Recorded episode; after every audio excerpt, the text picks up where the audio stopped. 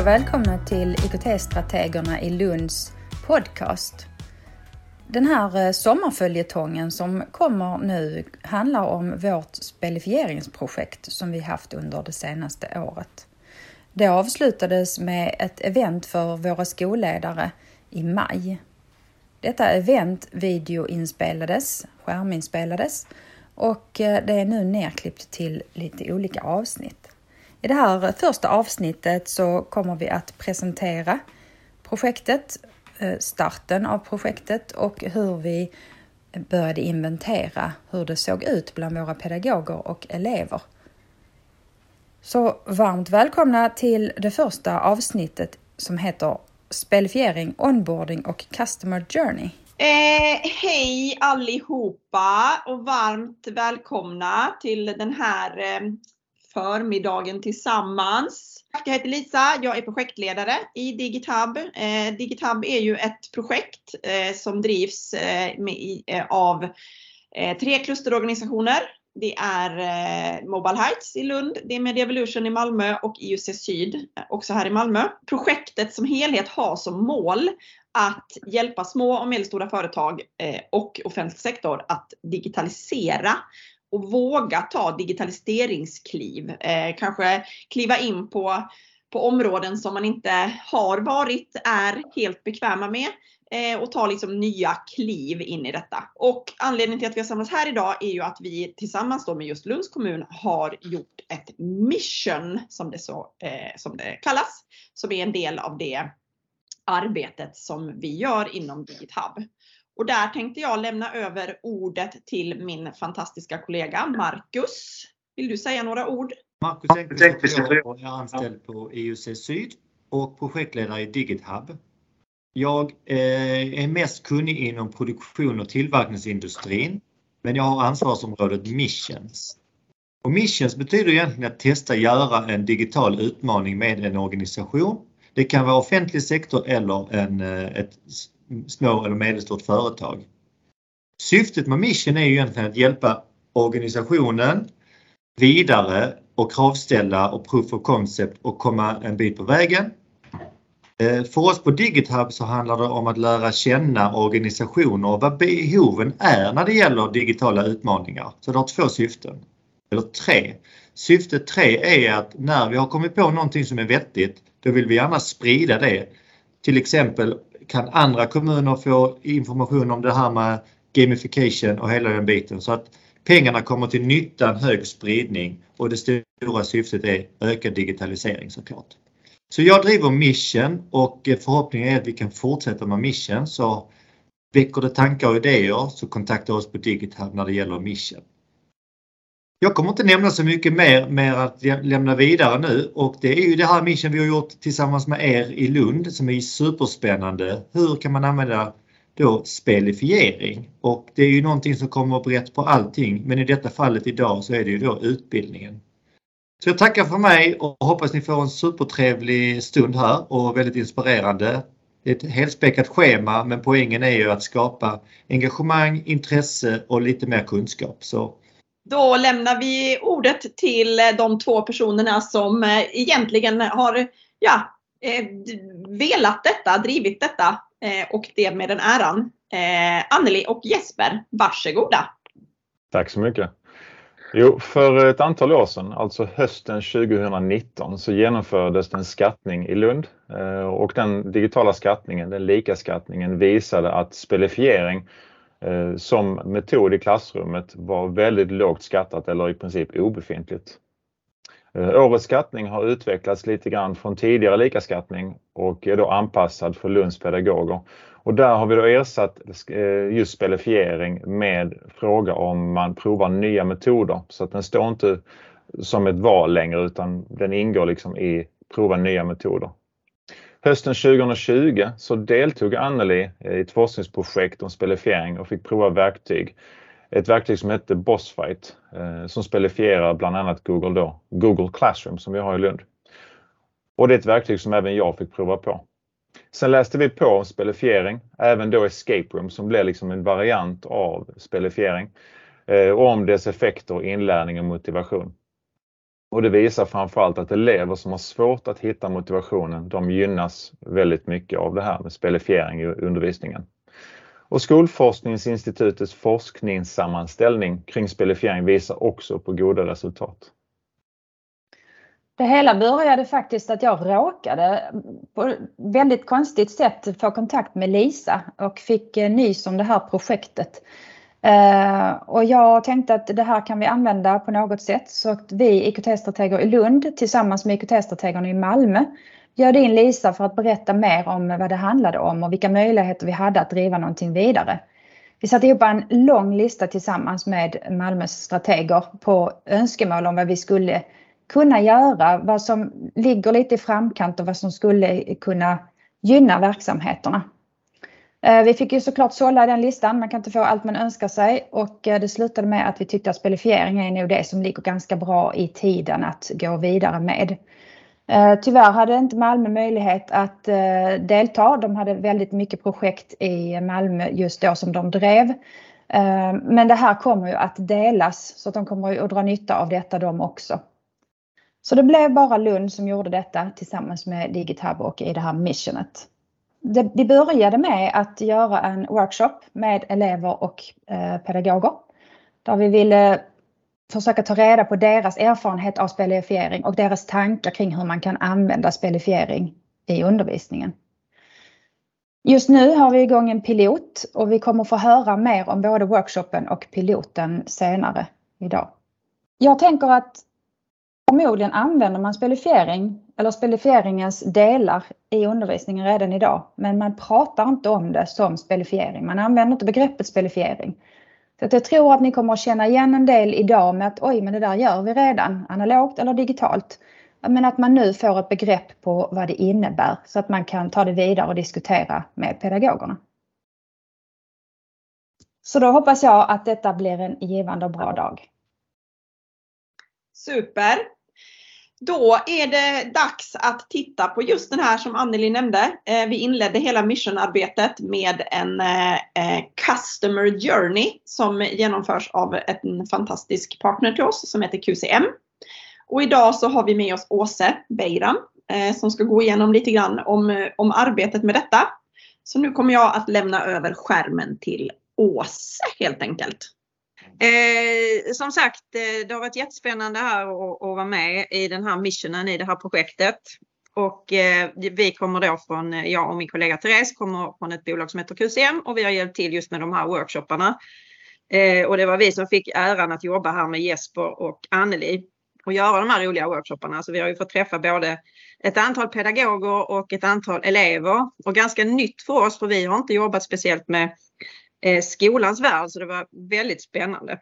Och som sagt eh, som Anneli sa så har vi då hjälpt till att identifiera lite möjligheter och eh, situationer. Och jag tänkte att jag ska göra så här att jag ska ta er med och visa ganska många bilder men inte stanna kvar vid dem utan så att ni såg hur det här, ni får se hur det här arbetet gick till. När vi gjorde det då faktiskt i november, det är ju jättelänge sedan nu, men tiden går fort. Eh, och det här kallades ju då från Annelies sida för projektspelifiering och syftet var ju att ta fram eh, antingen en programvara eller en plattform eller ett arbetssätt eh, för att engagera och stimulera elever och underlätta arbetet för lärarna. Så, eh, och se vad det fanns för möjligheter att göra detta helt enkelt. Så syftet med de här workshopen då som vi gjorde, workshopparna med pedagoger och elever var att eh, hitta situationer där man skulle kunna utnyttja eh, spelifieringen eller spelmomenten. Och när vi då började jobba med pedagogerna så hade vi med oss representanter dels från olika skolor och dels från olika årskurser. Så vi var sådär en 6-7 stycken som eh, jobbade med detta tillsammans. I ett underbart rum där det fanns superstora whiteboards. Jag kommer visa det också sen. Det är det bästa jag vet när man kan skriva mycket under tiden man jobbar och tänker. Eh, och vi fick också ta del av den här rapporten. För det här, som, som jag sa så var den här världen ganska ny för oss. Så Skolforskningsinstitutets rapport som ni också har fått ta del av, vad jag förstår här. Spelifiering, ett lustfyllt sätt att lära. Eh, och då säger de ju där att eh, det man gör, vad är egentligen spelifieringen? det är ju att man använder spelelement i en icke-spelkontext, skulle man kunna säga sammanfattningsvis. Så man tittar på de här eh, olika byggstenarna i spel, spelelementets olika byggstenar. Att man oftast har regler man ska hålla sig till, man har mål man ska uppnå och man får återkoppling på vägen. Man får ofta uppdrag och utmaningar och det finns tävlingsmoment i det hela. Man får kanske ta del av spännande berättelser och får ofta poäng och medaljer och topplistor. Och det är ju sånt som vi tänker att våra barn eh, håller på med också dagligen i spel och på, på andra sätt. Inte just kanske i undervisningen men även där som ni sa, det finns med även idag fast man kanske inte pratar så mycket om det. Och så sista punkten här, progressionsindikatorer. Att man ser liksom hur långt man har kommit i en viss uppgift eller i en viss situation. Så det är lite grunden till vad spelifiering är. Och sen så fanns det också i den här eh, rapporten Eh, en bild som visar lite här relationen mellan spelifiering, spel och lek. Och det vi vill komma åt här då är ju det här som vi har ringat in här, spellik undervisning.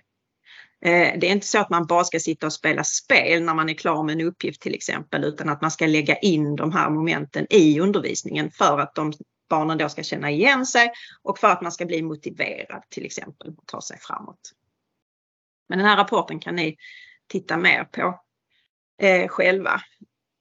Eh, och eh, vi gjorde då så här, vi listade upp en massa grejer, vi började diskutera i workshopen eh, om man har några spelelement först och främst i sin vardag. Och det har vi ju allihopa. Vi började med att titta på våra eh, såna sportklockor till exempel och vad vi blir spårade av där att vi gärna ville gå lite extra steg eller hinna med lite extra träningar och så vidare.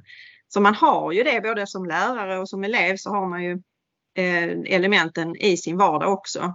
Och sen så diskuterade vi vidare om man hade använt spelelement redan i sin undervisning och hur det i så fall gick till och i vilka situationer för vilka elever och så vidare. Och vilka effekter det kanske kunde ha och vilka utmaningar man såg. Och sen så skulle vi då börja brainstorma och rita på tavlan och då skulle vi utgå från olika situationer och vad vi då eh, upplevde som var utmaningar där och vad vi i sin tur ville ha som då effekt. Att till exempel en elev är omotiverad och inte kommer igång och då vill vi ha effekten att eleven är motiverad och kör igång och jobbar med sitt arbete. Och då sen, hur skulle man då kunna lägga in spelmoment i det? Så ungefär så gick våra ehm, eh, vår stund där. Och då fick vi ett resultat här från en grupp till exempel. Eh, att vi listade olika situationer. Om vi till exempel hade en socialt spretig grupp där det var konflikter till exempel.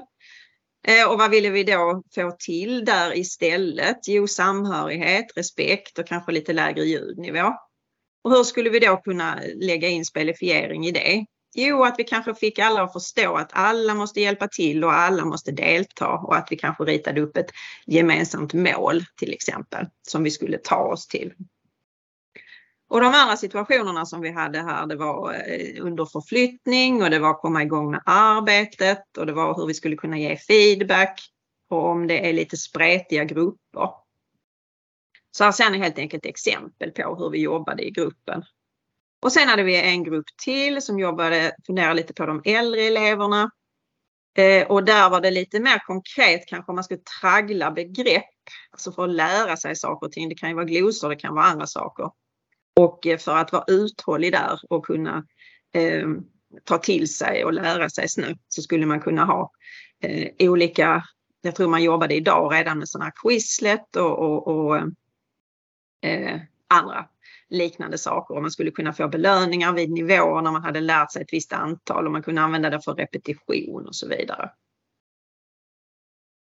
Eh, vi pratade också om hur man skulle kunna se var är jag någonstans, i, i, för jag behöver få en överblick på var jag är i mitt studerande helt enkelt, i de olika ämnena kanske eller de olika kurserna som man kör igång. Så här flödade kreativiteten och eh, det ritades mycket här på tavlan. Och därefter så fick då vi, eller inte vi, utan våra deltagare där, placera stjärnor för att prioritera vad man tyckte var viktigast eller vad man trodde att det skulle ge mest effekt. Och då kom det flest stjärnor på den delen som han, handlade om eh, just planering. Att det skulle vara enkelt för en lärare att kunna planera upp en, en kommande eh, studiekurs eller ett ämne för en viss period. Och sen att man då skulle kunna se som elev också var man är i det här flödet. Så att man ser, nu startar vi, vad har vi för mål och var är jag under vägen dit? Det satte man som eh, högst eh, nytta så att säga. Och sen ser ni hur resten eh, prioriteras. Då fick vi gå vidare efter en vecka tror jag det var och träffa elever. Jättespännande. Vi visste inte riktigt hur vi skulle eh, ta oss an de här eleverna. Vi har inte den erfarenheten alls som ni har förutom våra egna barn då såklart. Så vi fick träffa eh, fantastiskt eh, eh, fina och trevliga, ett litet gäng på eh, sex personer också på en av skolorna. Och det var också blandat från skolorna och blandade årskurser. Så vi hade en tjej som gick i nian och, och så hade vi ett par stycken som var, eh, gick i tvåan. Så det var ett, ett spann däremellan. Eh, och då la vi upp det på det här viset att vi diskuterade med dem. Vi frågade om de fick berätta vad tycker du är roligt på din fritid till exempel. Och då berättade de om att de spelar spel och dansar TikTok och åker skateboard och, och spelar schack och piano och så vidare. Och vi skulle försöka komma till lite vad de, vad de kunde triggas av och så vidare så småningom. Så det var spännande historier vi fick höra här. Och sen frågade vi dem också vad tycker du är roligt och lätt i skolan? Eh, och då var det några som triggades av att de fick guldstjärna när de hade alla rätt på läxförhör. Eh, de tyckte matte och multiplikation var roligt. Läxorna tyckte de var roligt och lätt. Och engelska var det en som tyckte var för hon pratade redan. Eh, hon var tvåspråkig, pratade redan engelska såklart.